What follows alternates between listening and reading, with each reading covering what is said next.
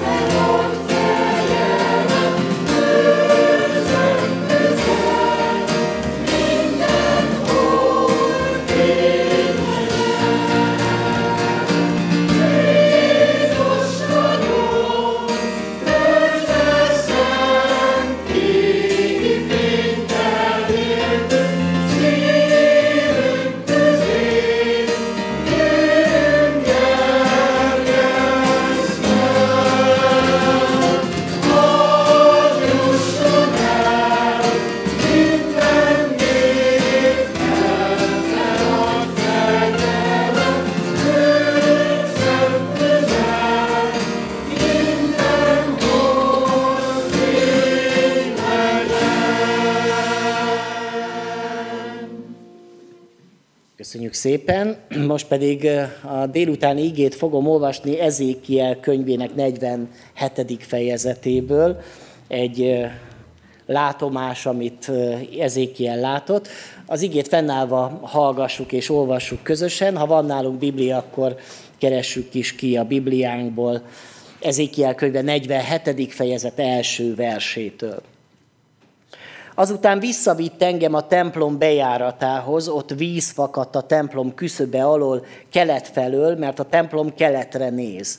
A víz a templom déli oldala mellől az oltáról délre folyt tovább. Azután kivitt engem az északi kapunát, és körülvitt kívül a keletre néző külső kapuhoz. A víz ott folydogált a kapu déli oldalánál, Azután ő kelet felé ment mérő zsinórral a kezében, lemért ezer könyököt és átvezetett a vízen, a víz bokáig ért. Ismét lemért ezret és átvezetett a vízen, és a víz térdig ért. Azután lemért ezret és átvezetett a víz derékig ért.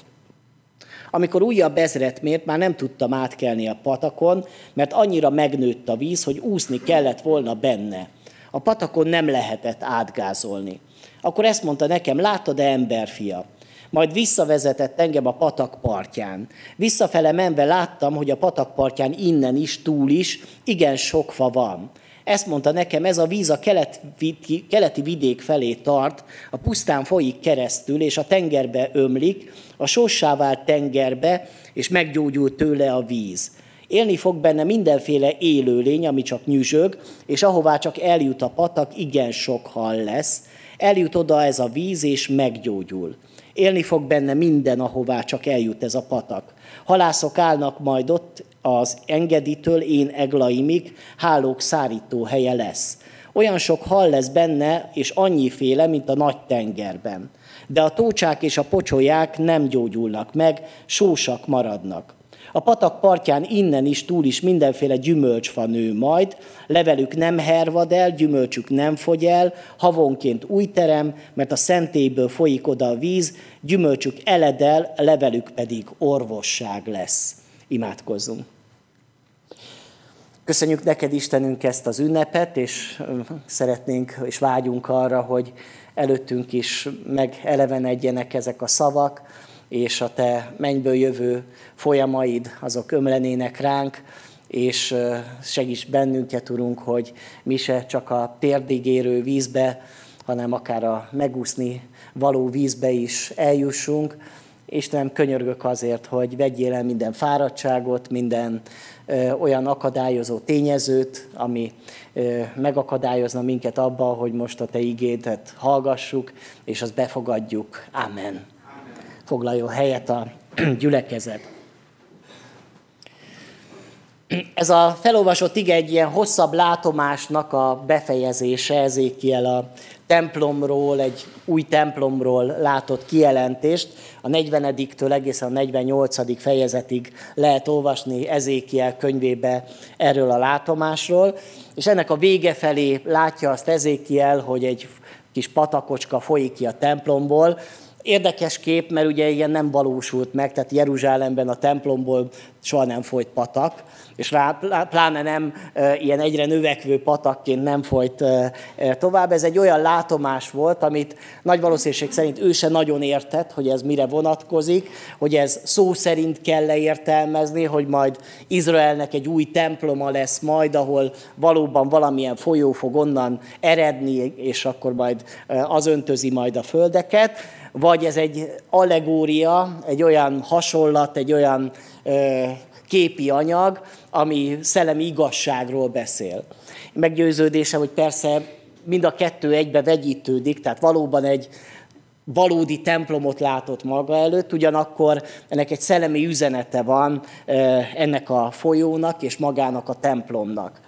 És a Bibliában, hogyha akár a kezdetektől végignézzük, a folyóknak különös jelentőségük van, nem csak azért, mert hogy fontos dolog, hogy legyenek folyók, hanem azért, mert az élet az, ami a folyót jelenti, különösen közel-keleti emberek, vagy a, azok az emberek, akik az ókorban éltek, nagyon fügtek a, a folyóktól. A nagy városok, az első városok, azok folyópartján épültek föl, az adott lehetőséget arra, hogy az emberi civilizáció az fölnövekedjen, ahol folyó volt, ott élet volt, ott volt termés, ott volt megvűvelhető föld, ahol pedig nem volt folyó, ott csak szárasság volt, és ott nem nagyon tudtak megélni az emberek. Aztán láthatjuk, hogy a folyók azok mennyire sok mindenre képesek, képesek arra, hogy egész terepeket átalakítsanak, hogyha csak gondolunk mondjuk a Grand Canyonra, Canyonra hogy micsoda hatalmas nagy sziklába vájt olyan hatalmas nagy hegyek, amiket a, a folyók mostak ki, és azok alakították ki azokat a hegyeket, hogy milyen erő van a vízben, a, a víznek az erejében. Ezért alkalmas volt arra, hogy a Biblia gondolkodásában ezt a különleges erőt a Szentlélek erejéhez kössék a bibliai szerzők, és így kell látnunk nekünk is ezt a képet, amit látunk, hogy ezékiel a Szentlélekről kap egy kijelentést, ami a, abban a korban még csak egy távoli kijelentés, de hiszük azt, hogy a mi korszakunkban már jelenlevő dolog. Ugye már az édenkertbe is folyó volt, ami megöntözte a, a paradicsomot, és ami a lehetővé tette, hogy egy nagyon gazdagon termő föld volt a paradicsom.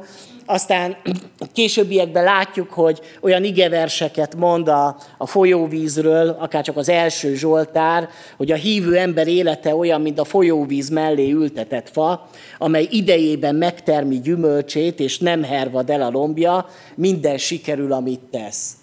Vagyis, hogy a hívő ember tényleg egy ilyen folyóvíz mellé ültetett fa, nem szárad ki, hanem folyamatosan élet van benne.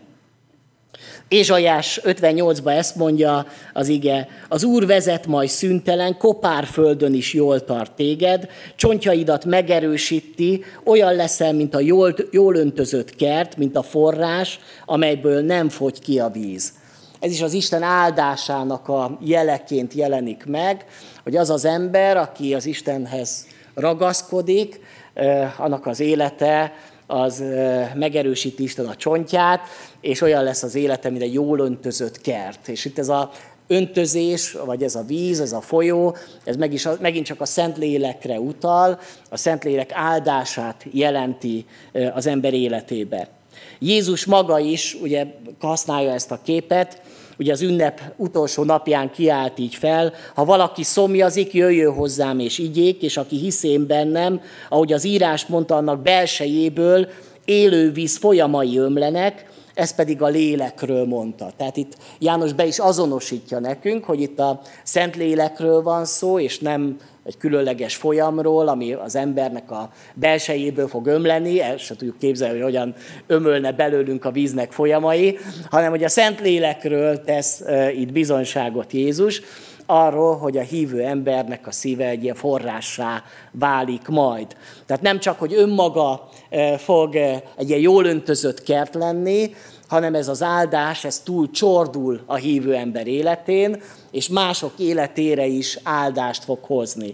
És itt is ez a kép, amit itt látunk, ez ennek a Jézusi igének a ószövetségi proféciája, amikor valami egy túlcsorduló áldást fogunk látni, és az Isten arra hívta el az ő népét, hogy áldást vegyünk, és azt az áldást tovább adjuk mások számára, és ennek a menetéről, vagy erről a képről szeretne szólni nekünk Isten ezen a délutánon.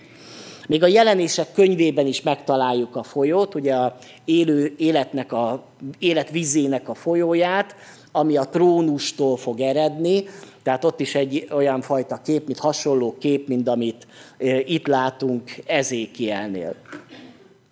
Maga Ezékiel könyve, és e, ez a kijelentés, amit olvastunk, nem a Bibliának a legjobban olvasottabb könyvei közé tartozik, vagy nem a legismertebb könyvek közé tartozik Ezékiel proféta, bár én azt mondom, hogy érdemes olvasni, tanulmányozni, és jobban elmerülni ennek a profétának a, az életébe, kijelentésébe. Maga a proféta egy nagyon tragikus életet él, úgy olvasjuk a Bibliában, hogy amikor 30 esztendős, akkor fogságba viszik Babilonba, és említettem szerdán is, hogy ez azt jelentette, hogy ő éppen amikor megkezdte volna a papi szolgálatát, mert 30 éves korban kezdték meg a zsidó emberek a papi szolgálatukat, és egy papi származású ember volt Ezékiel, pontosan akkor történt az ő fogságba vitele. Életének a nagy álma, amire mindig vágyott, hogy egyszer majd a templomba végezzen szolgálatot, az megsemmisült. Elveszett ez az álma. Elkerül egy idegen országba, és mégis Isten különleges dologra hívja el ezt a profétát, mert hogy nem csupán egy templomi szolgálatot végez, hanem az Isten megjelenik neki idegen földön. És ráadásul ugye ez úgy van megjelenve, megjelenítve a Bibliába, hogy olyan csodálatos kijelentést kap Ezékiel, amivel nagyon sokan nem tudnak mit kezdeni, mert ott minthogyha olyan lenne, minthogyha idegen lények jönnének, és ufók szállnának le, de hát ezek csak képanyagok. Őnek egy valóságos átélése van Isten dicsőségének a megjelenéséről. Tehát az, amire ő készült, hogy ő papi szolgálatot végezzen, az Isten annál sokkal többet ad neki. Elvesz valamit tőle, valami nem lesz az övé, viszont valami sokkal többet kap helyette. Sokkal nagyobb kijelentésnek a birtokosa lesz. Ő két féle kijelentést kap, és ezek vannak leírva az Ezékiel könyvébe. Egy olyan 30 éven keresztül profétája Izraelnek. Az első időszakban Istennek az ítéleteit kell folyamatosan mondani, és meggyőződésem nagyon leterhelő lehetett ez a profétának, amikor folyamatosan azt kellett mondani, hogy a ti bűneitek miatt az Isten megharagudott rátok, és hogy elvet benneteket, fogságba visz benneteket, és megéli azt a fogságban, ugyanis tíz évvel később, hogy ő fogságba került, lerombol, lerombolják Jeruzsálem városát és a templomát is, és ő azt a fogságban úgy éli meg, hogy Isten még egy személyes tragédiát is ad az életébe, ugyanis elveszi tőle az ő feleségét, meghal a felesége, és ezzel az Isten azt akarja üzenni Ezékielnek, hogy az én szívem fájdalma olyan gyászos, mint a te szíved, hogy éld át ezt a gyászt, amit én átélek. Nagyon tragikus az ő élete, és mégis Istennek nagyon-nagyon közeli kapcsolata van Ezékiellel. Különleges kijelentéseket kap Ezékiel. Azért is különleges, mert hogy nem Jeruzsálemben kapja a kijelentést, nem a templomban kapja a kijelentést, hanem egy pogány földön kapja a kijelentést, és egy teljesen nem szakrális környezetben, hanem a szabad ég alatt kapja a kijelentéseket. És ez lehet, hogy számunkra nem annyira meglepő, de mondjuk egy ószövetségi ember számára mégiscsak meglepő volt, mert hogy az Istenről alapvetően inkább az az elképzelésük volt, hogy Izraelnek az Istene, aki igazából Izrael földjén jelenti ki az ő akaratát, de távol, idegen földön ott vajon megszólal-e az Isten. Ez már egy picit az új szövetségbe vezet bennünket, ezékiel, hogy Isten mindenütt úr, és mindenütt meg tud szólalni, nem csak a templomban, ha nincs templom, akkor is megszólal, ha e, nincs közösség, akkor is megszólal, az Istennek semmi nem lehetetlen. Mi már egy olyan korban élünk, amikor az Isten mindenféle módon megszólít bennünket. A legjobb persze az, hogyha itt vagyunk az imaházban, és megszólít bennünket itt az Isten. De megszólít bennünket az otthonainkba, vagy éppenséggel akár munkavégzés közben, vagy amikor kint dolgozunk a földeken, már aki dolgozik ugye kint a földeken, de ott is megszólíthat bennünket az Isten. Ez az Istennek egy csodája, hogy ő mindenütt jelen van. Ezékielt úgy is lehet nevezni, hogy az Ószövetségben a, a lélek profétája, a Szent Lélek profétája, különleges az a kijelentés abból a szempontból, hogy a legtöbbet ő kapja a Szentlélek Isten ö, személyéről. Ugye ószövetségi időben élünk, amikor még hol van még pünkösd, meg hol van még Jézusnak a kijelentése a pártfogóról, de az Isten már készíti az új szövetségi időt, és már egy nagy kijelentést ad az Isten szelleméről, lelkéről. Tudjuk azt, hogy nagyon sok messiási profécia van, különösen Ézsaiás nagyon sok messiás proféciát kapott, Ezékiel viszont sok lélekről, szent lélekről való kijelentést kapott. Az egyik fontos kijelentése, amivel tulajdonképpen be is vezeti a Szentlélekről való kijelentéseket, az így hangzik, hogy én a lelkemet adom belétek, és azt művelem veletek, hogy rendelkezéseim szerint éljetek, törvényeimet megtartsátok, és teljesítsétek.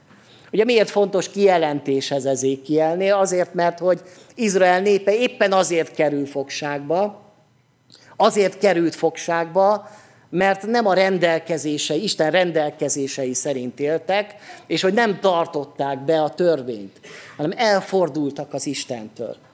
És tulajdonképpen Isten kijelenti, hogy alapvetően kudarc volt az egész, ahogyan éltétek a, keres, a hívő életeteket, de, az, de egy új tervet adok, és ez az új terv az, hogy majd az én lelkemet fogom belétek adni, és a lélek által képesek lesznek arra, hogy a rendelkezéseim szerint éljetek, és a törvényeimet megtartsátok.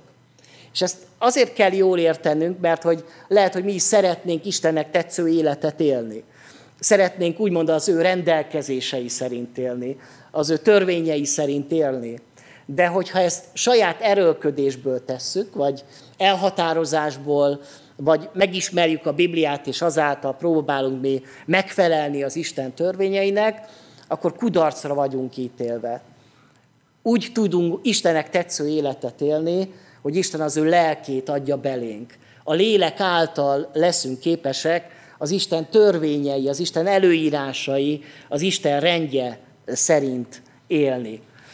És aztán meglátjuk ennek a folyónak a, a forrását, ugye, ami a templomból ered.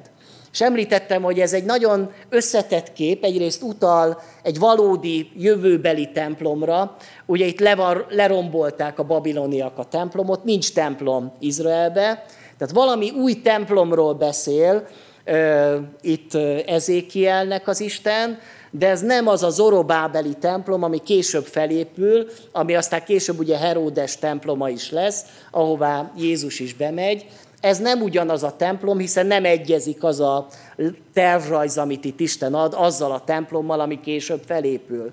Ez valamilyen másik templom, ami elképzelhető, hogy a harmadik templom, ami még várat magára, és Izrael majd a jövő, utolsó időkben fel fogja építeni, ott Jeruzsálemben, annak a tervrajzát kapja már meg Ezékiel. Ugyanakkor egy szellemi templomról is beszél, arról a templomról, amelyről aztán az új szövetség úgy beszél, hogy, hogy mi vagyunk a Szentlélek temploma. A gyülekezet és maga a hívő ember, a testünk a Szentlélek temploma. Így beszél az életünkről, testünkről, rólunk a Szentírás. És ilyen értelemben kell nekünk értelmezni ezt a kijelentést, hogy a mi életünkből fakadó áldás a gyülekezetből fakadó áldásról beszél a Biblia, aminek mindenképpen a forrása az maga a templom. Ö, igen. A legfontosabb kijelentése ennek a nyolc fejezetnek, az a 43. fejezetben van, amikor az Isten dicsősége rászáll az elkészült templomra. Ez megtörtént már a Salamoni templom építésekor, amikor az Isten dicsősége leszállt a templomra, és aztán megnyugodott a templomon. Ez akkor történt, amikor bevitték a szövetség ládáját a szentek szentjébe, akkor az Isten leszállt a templomra. Ez egy nagyon érdekes dolog, mert az ezékieli templomban nincsen szövetség ládája. Ez egy hiányzó dolog, hogy vajon azért, mert megsemmisült addigra a szövetség ládája, vagy tulajdonképpen nincs már szükség erre a ládára, és másmilyen módon jelenik majd meg az Isten dicsősége. De mindenképpen fontos dolog, hogy az Isten birtokba veszi ezt a templomot. Így hangzik az ige, emberfia, ez az én trónusomnak a helye, és lábaimnak a helye, ahol Izrael fiai között fogok lakni örökre. És ez azért jó, mert a, vagy azért fontos ezt látnunk, mert ez a kép, hogyha most az egyházról, vagy a hívő emberről beszélünk, akkor az Istennek az a terve, hogy itt közöttünk lakozzék, bennünk lakozzék az Isten. És az életünkből akkor fakad majd áldás, hogyha valóban betölti az Isten dicsősége a mi életünket. És persze hogyan történik, egy nagyon bonyolult dolgokat ír itt le a e, Ezékiel a templomépítéssel kapcsolatban, de az egyik e, fontos dolog, hogy e, amikor megépítik a templomot, akkor egy óriási nagy fallal kell körülvenni. Ez olyan hosszú fal, hogy 222 méter hosszú, és 222 méter széles fal, tehát nagyon nagy és nagyon magas fallal kellett körülvenni, amiről azt írja Ezékiel 42.20, a szent és a közösség, közönséges terület ketté kell, hogy választva legyen. Tehát Ezékiel 42.20, mindjárt mondom az igét pontosan, 42.20, Mind a négy égtál felől megmérte, kőfala volt körös körülménynek hosszúsága is 500, a szélességes 500 könyök volt, ez választotta el a szent területet a közönségestől. Vagyis a templomot el kellett választani a körülötte levő közönséges világtól. Ez a megszentelt terület. Ugyanígy volt az Ószövetségi időben, és a Salamoni templomban is, hogy az egy szent, megszentelt terület de ugyanúgy kell, hogy érvényes legyen a mi személyes életünkre, a közösség életére, a gyülekezet életére, ugyan nem ilyen nagy falakkal vesszük körül a, a mi templomainkat, vagy nem magas fallal vesszük körül a saját életünket, de el kell különülnie az Isten népének a, a közönségestől, a világitól, a szakrálisnak, a, a profántól. És akkor száll le az Isten dicsősége, amikor megszentelődik a templom, amikor el van választva az a világtól. És ahogyan leszáll az Isten dicsősége erre a templomra, azt olvasjuk, hogy íme Izrael Istenének a dicsősége közeledett kelet felől, zúgása olyan volt, mint a nagy vizek zúgása, a föld pedig ragyogott dicsőségétől. És hogyha ezeket a szavakat olvassuk, akkor hasonló szavakat olvasunk pünköstkor, ahogyan zúgása olyan volt, mint a nagy vizek zúgása. Ugye ott is, amikor a lélek jön, mint a nagy vizek zúgása, ott betölti az embereket, az embereknek a szívét, életét. Ez a fajta képet látja itt Ezékiel, tulajdonképpen a pünkösnek a képét látja itt maga előtt. És egy nagyon jó a kép, ugyan azt olvassuk, hogy ez a folyó, ami a templomból fakad, és ami nem marad meg a templomon belül, hanem kiárad a, a földre, az egyre mélyül, és egyre szélesedik az a folyam.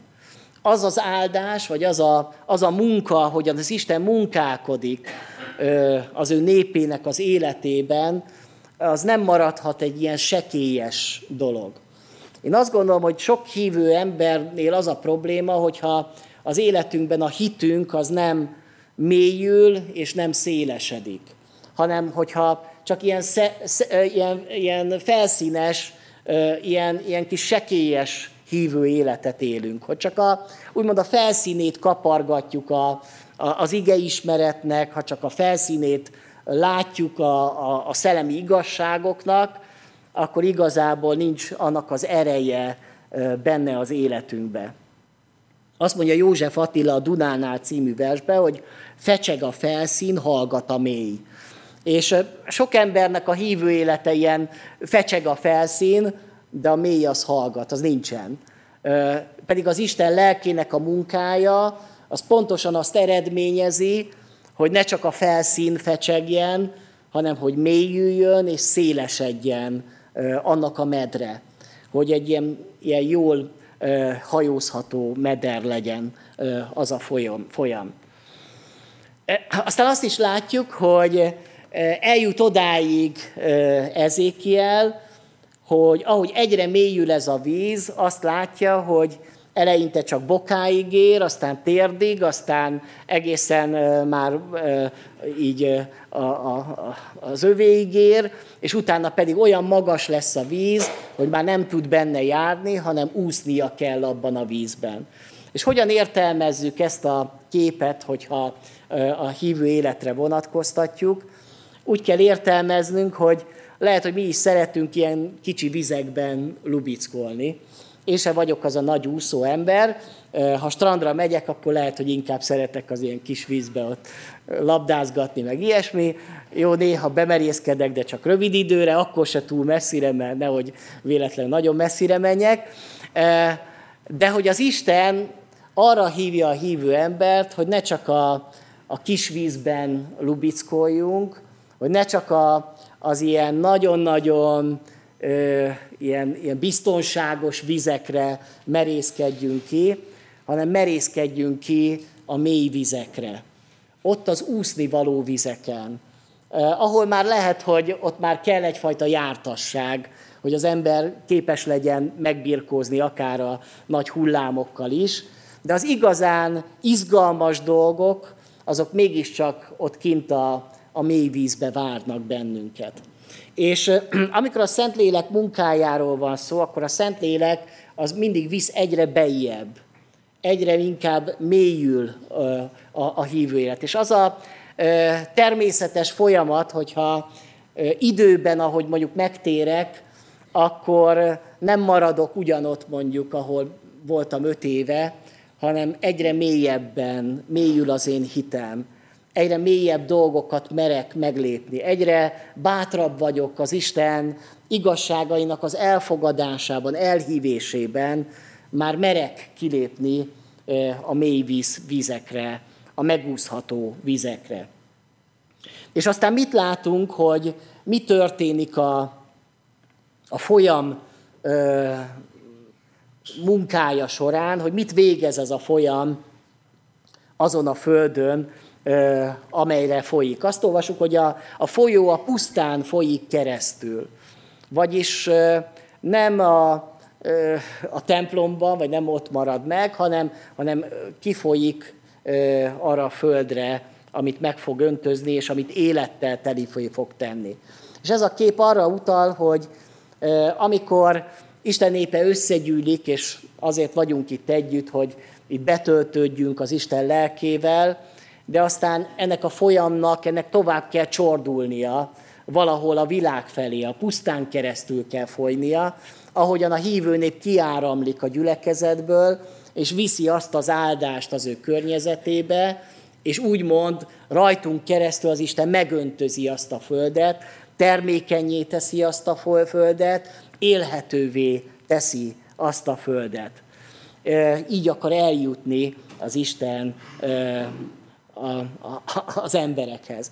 És akkor, ha a saját életünkre gondolunk, akkor, hogyha visszatekintünk akár a elmúlt időszakra, akkor mi az, amit látunk magunk mögött?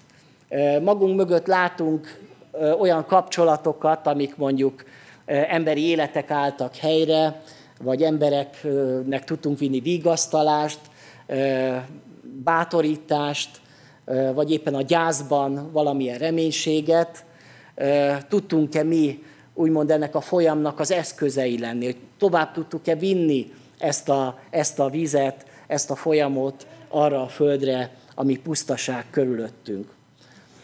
Azt olvassuk, hogy a sósá vált víz meggyógyul. Ugye ez a, annak a képe, hogy itt a holtengerről beszél, és itt, hogyha szó szerint kellene értelmezni ezt az ige szakaszt, akkor arról, akar, arról szólna, hogy a holtenger egyszer élővé válik, és eltűnik a só tartalma, és majd halak fognak benne úszkálni.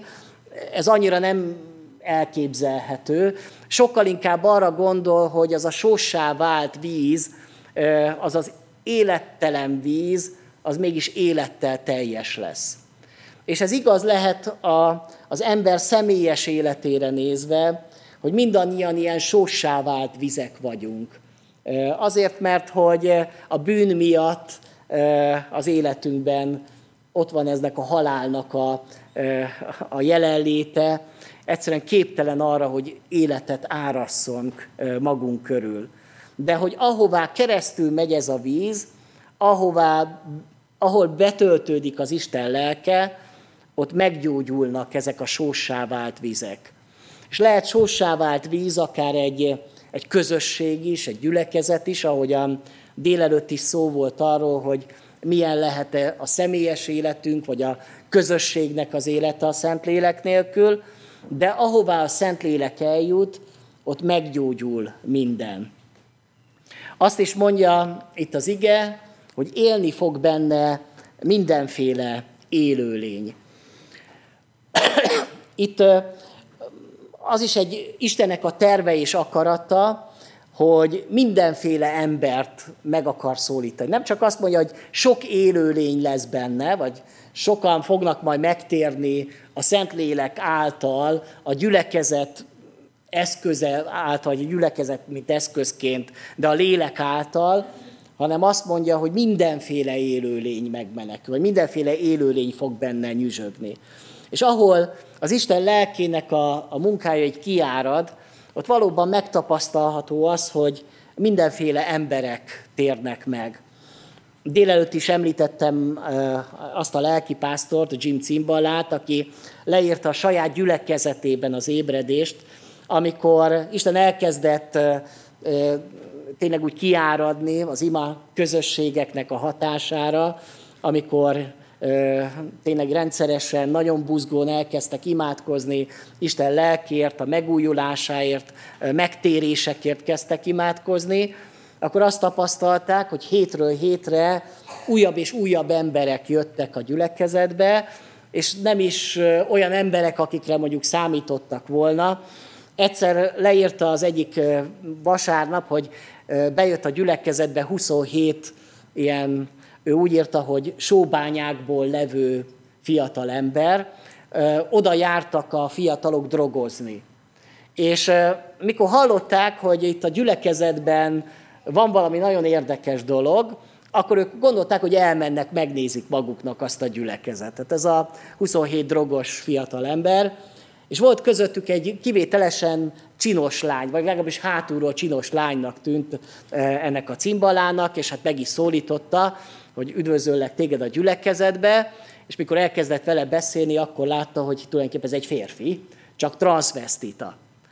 És ő azelőtt soha nem találkozott ilyennel, olyanokkal, akik férfi létükre nők akartak lenni, és rengeteg hormonkezelés, meg sok mindenen túl volt már ez a férfi, és mindennek a gyökere az önmagának az elutasítása, a szüleinek való megfelelés, mert igazából lányt szerettek volna. Szóval sok minden volt, ami miatt ő ilyen transvestitává vált, és ugye nem tudom, mit kezdenénk vele, ha bejönne ide a gyülekezetbe. Egy ilyen transvestita, vagy mondjuk nem egy, hanem mondjuk tíz, vagy, vagy tíz meleg ember, és akkor, akkor itt leülnének, és itt lennének közöttünk. Azt mondja, élni fog benne minden élőlény. És azt mondta, hogy ez a gyülekezet akkor már olyan szellemi állapotban volt, hogy tudták befogadni ezt a lányt vagy férfit, tudták szeretni, segíteni, lelki gondozni, és eljutott valódi megtérésig, és aztán elfogadta a saját férfiasságát, és amikor kérte a tagfelvételét, már nem nőként, hanem férfiként állt akkor megint a gyülekezet előtt, később megnősült, és az egyik nagyon komoly szolgálatnak a vezetője lett a gyülekezetbe, és aztán később kiderült, hogy éces, mert hogy a, abban az élet, amit élt előtte, annak a következményei ott voltak, de mégis az ő egész bizonságtétele rengeteg sok embert megnyert Jézus Krisztusnak. És hogy lássuk azt, hogy az Isten amikor elkezd az ő lelke által így, így kiáradni, akkor ilyen mindenféle embereket fog vonzani. Élni fog benne mindenféle élőlény. Nem tudom, mennyire vagyunk felkészülve arra, hogy mindenféle embert lelki gondozni, befogadni. Egy olyan társadalomban élünk, ahol, eh, ahol nagyon sokféle ember van, mind politikai értelemben, mint ö, ö, identitás terület. Nagyon káosz ez a világ, ami körülvesz bennünket. Mire várunk, vagy mit akarunk az emberektől? Képesek vagyunk arra, hogy ezeket a nagyon-nagyon mélyen levő embereket, vagy nagyon identitásukban megrendült embereket oda vezetni Krisztushoz. Ez az Isten lelkének a munkája. Élni fog benne minden élőlény. Mindenkinek van helye abban a közösségben. Azt is olvassuk, hogy olyan szépen van ez megfogalmazva, hogy élni fog benne mindenféle élőlény, ami csak nyüzsög. Itt ez a kifejezés, az nagyon tetszik nekem, hogy nyüzsög. Ez nem egy ilyen emberi nyüzsgés, vannak ilyenek, akik kánda nyüzsögnek, nem bírnak megülni a fenekükön, de nem, ez, nem egy ilyen nyüzsgésről van szó, hanem az életnek egy olyan jeléről van szó, amikor, amikor megmozdul valami. Nem tudnak megülni ezek a közösségek, ahol, a, ahol az Isten lelke megy, mint a folyam kiárad, ott nyüzsögni fog a gyülekezet. Azt hiszem, hogy onnan lehet leginkább felismerni egy gyülekezet életében, hogy, hogy van élet, hogy van Szentlélek, hogy az a gyülekezet nyüzsög. Az a gyülekezet, ahol leülnek, ahol semmit nem csinálnak, az pont annak a jele, hogy itt nincs lélek. Itt valami megszűnt, valami eltűnt ebből a gyülekezetből. De amikor elkezdődik az Isten lelkének a kiáradása, akkor elkezd pezsegni az élet. Elkezd a, a közösség eh, mindenféle tevékenység, és ez nem az a teljesítménykényszer, mert lehet ezt teljesítménykényszerből is csinálni, hogy testvérek, indítsunk be még öt csoportot, meg még menjünk ide, mi, oda misszióz, és emberileg próbáljuk, és kifulladunk belőle, kifáradunk belőle, kiégünk belőle, és azt mondjuk, hogy többet soha nem. De amikor a lélek jön, és a lélek által küldve vagyunk, akkor ez egy olyan nyüzsgés, ami nem fárasztja ki az embert, nem égeti ki az embert hanem egy olyan nyüzsgés, ami, amiben örömünk van. Örülünk annak, amikor összejöhetünk kis ima közösségbe, amikor kis missziócsoportok vannak, amikor nagyon aktív és sokszínű közösségi élet van egy, egy gyülekezeten belül. Ez a lelk, lélek munkájának a gyümölcse, eredménye, ahol keresztül folyik ez a víz. Hát nem tudom, hogy a mi gyülekezetünk ilyen nyüzsgő gyülekezete, nyüzsgünk-e már. Lehet, szerintem jobban nyüzsöghetnénk. De nem, a, nem úgy emberileg, hanem úgy, hogy az Isten lelke által történne ez. Azt olvasjuk még, hogy halászok állnak majd ott, és ugye nyüzsögnek ott mindenféle halak, halászok állnak, hálók szárító helye lesz, és olyan sok hal lesz bele, és annyiféle, mint a nagy tengerben. Itt megint csak azt látjuk, hogy, hogy ennek a legfőbb tevékenységként ezt a halászatot írja le. Az a gyülekezet, ahol, ahol az Isten szelleme kiárad, a Szentlélek elkezd mind egy folyamként betölteni, ott az emberek felismerik azt, hogy a, a legfontosabb küldetésünk az, hogy emberhalászok vagyunk. Mikor Pétert elhívja Jézus, akkor azt mondja, ne félj, mostantól fogva embereket fogsz halászni. És amikor az Isten népe betöltődik a Szentlélekkel, akkor elkezdi élni azt az életet, hogy elkezdjük kivetni a hálóinkat. És eh, nem olyan háló kivetésről van szó, hogy kivetjük a hálóinkat, és akkor kihúzunk, és egy halat nem fogtunk, Emlékszünk, Péter is ugye így fogott. Kiment a saját erejéből, egész éjszaka egy halat nem fogott. Miért nem fogott? Mert ott csak a saját erőlködése volt. De amikor Jézus mondja, hogy figyelj, akkor menjünk ki együtt. És most vest ki a hálókat. És akkor pedig azt olvassuk, hogy szakadoznak a hálók. És ugyanez ez a különbség, hogy amikor mi emberileg próbálunk missziózni, embereket megnyerni Krisztusnak, akkor ott vagyunk, hogy üres hálóinkat mosogatjuk. Hányszor éltünk már meg ilyet? Ugye belefektettünk időt, energiát, programokat, pénzt, mindent beleöltünk, és a végén ott voltak az üres hálók, amiket szárigattunk meg, szakadoztak, és barogatni kellett. De amikor az Isten lelke ott van, akkor kivetjük a hálókat, és megtelnek. És azt mondja, igen, élni fog benne mindenféle olyan sok hal, mint a nagy tengerben. Azt írja még róla, ahol a, ez a folyam megy, hogy ott folyamatos gyümölcstermés lesz majd. Azt mondja, a patak partján innen is mindenféle gyümölcsfa nő, majd levelük nem hervad el, gyümölcsük nem fogy el, havonként új terem, mert a szentélyből folyik oda a víz, gyümölcsük eledel, levelük pedig orvosság lesz.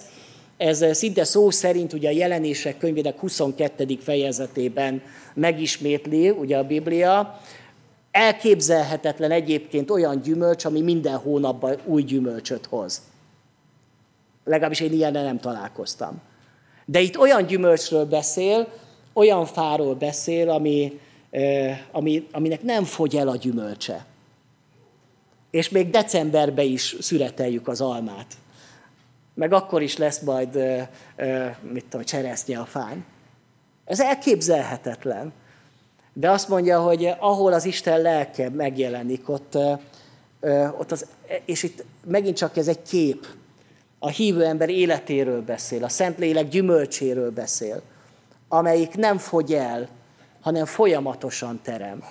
Folyamatosan gyümölcstermő élete van a hívő embernek, és amely ráadásul ugye, ugye még gyógyulásul is lesz majd a levele, mert hogy a, a gyümölcsük eledel lesz, ugye nem magunknak, a gyümölcsfa nem magának termi a gyümölcsöt, hanem mások, akik megeszik, tehát a hívő embernek másoknak termünk gyümölcsöt, mások laknak belőle jól, és hogy a levelük pedig orvosság, meggyógyul körülöttük az ember. Gyógyulásokról beszél itt a Biblia.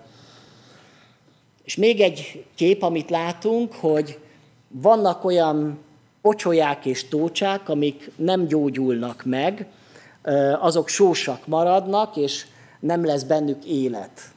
Miről van itt szó? Arról, hogyha valahol keresztül folyik ez a folyó, az, az ott, ott életet fog hozni, ott megújul lesz, ott a sósá vált víz az élet, megelevenedik, de a, a tócsák és a pocsolyák, ami nem folyik keresztül ez a folyó, azok élettelenek maradnak. És ez a kép arra utal, hogy vannak olyan hívő emberek, akiknek lehet, hogy az élete olyan, mint egy tócsa vagy egy pocsolya. Van benne valami kis víz, de nincs benne élet. Lehet egy olyan gyülekezet is, hogy egy, lehetünk mi egy pocsolya, amiben nincsen élet, mert nem folyik keresztül rajtunk a mennyből jövő, a templomból jövő folyó. Nem jön a Szentlélek de ha keresztül folyik, akkor élet lesz. Vajon a, a mi életünk melyik kép jellemzi? Mi egy élettel teljes tó vagyunk, a sósává tenger, ami élettel töltődik meg, vagy egy tócsa, vagy egy pocsolya leszünk. Még egy utolsó proféciát szeretnék így a mm, Szentlélek munkájával kapcsolatban az Ószövetségből mondani. Zakariás könyvének a nyolcadik fejezetében ezt olvassuk. Ezt mondja a seregek ura. Fognak még öreg emberek és öreg asszonyok üldögélni Jeruzsálem terein, és mindegyiknek bot lesz a kezébe, mert magaskort élne, érnek meg. A város terei megtelnek fiúkkal és leányokkal, akik víggal játszadoznak a tereken. Ezt mondja a seregek ura. Bár lehetetlennek tűnik a megmaradt nép számára, hogy ez így lesz abban az időben, az én számomra nem lehetetlen. Így szól a seregek ura. Ezt mondja a seregek ura. Azokban a napokban tizen is megragadnak a mindenféle nyelvű népek közül egy júdait, ruhája szegélyénél fogva, és ezt mondják, hadd tartsunk veletek, mert hallottuk, hogy veletek van az Isten.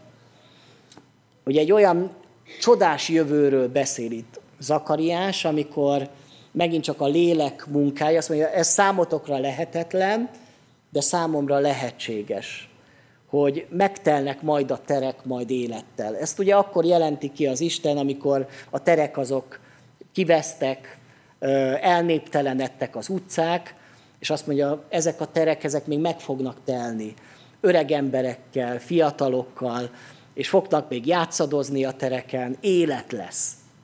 És azt mondja, hogy azokban a napokban majd úgy fogtok missziózni, hogy mentek az utcán, és nem ti fogjátok az embereket megszólítani, hanem titeket szólítanak meg az emberek, és azt mondják, hogy hadd tartsunk veletek. Tizen is megragadnak egy, egy embert, és azt mondják, hadd tartsunk veletek, mert veletek az Isten. Így vonzza az Isten magához az ember. Lehetetlennek tűnik jelenleg, de azt mondja az Isten, hogy számomra nem lehetetlen. Ez az Isten lelkének a munkája. Délelőtt is ugye arról volt szó, hogy nekünk a lélek, szent lélekre van szükségünk, hogy lélek nélkül valóban csak pocsolya leszünk, eh, ahol, ahol nem lesz élet, ahol csak megsavanyodik minden, ahol eh, mi magunk se igazán eh, érezzük otthon jól magunkat, de engedjük, hogy a lélek a mennyből jövő, a templomból folyó eh, víz átfolyjon rajtunk, betöltsön bennünket, akkor megtapasztaljuk, hogy ott élet lesz, ott misszió lesz, ott nyüzsögni fog az élet, és ott igazi öröm lesz. Hát imádkozzunk most a lélek kiáradásáért, hogy, hogy rajtunk is, személyesen, közösségünkön is folyjon keresztül ez a folyam. Egyenként hangosan imádkozunk.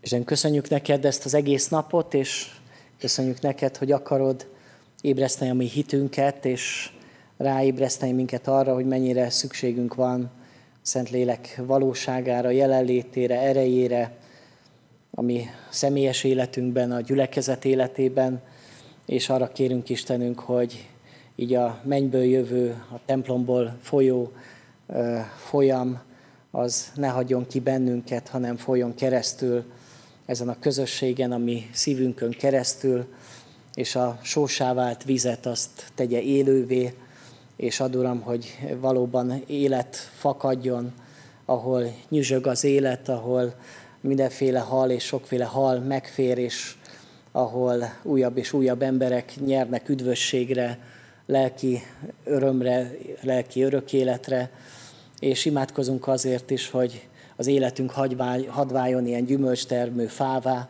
hogy mások jól lakjanak, a mi gyümölcsünkből, és a leveleink pedig még gyógyításról is szolgáljanak. Istenem, kérlek, hogy ezt a lelked által tedd a mi közösségünkkel is. Amen.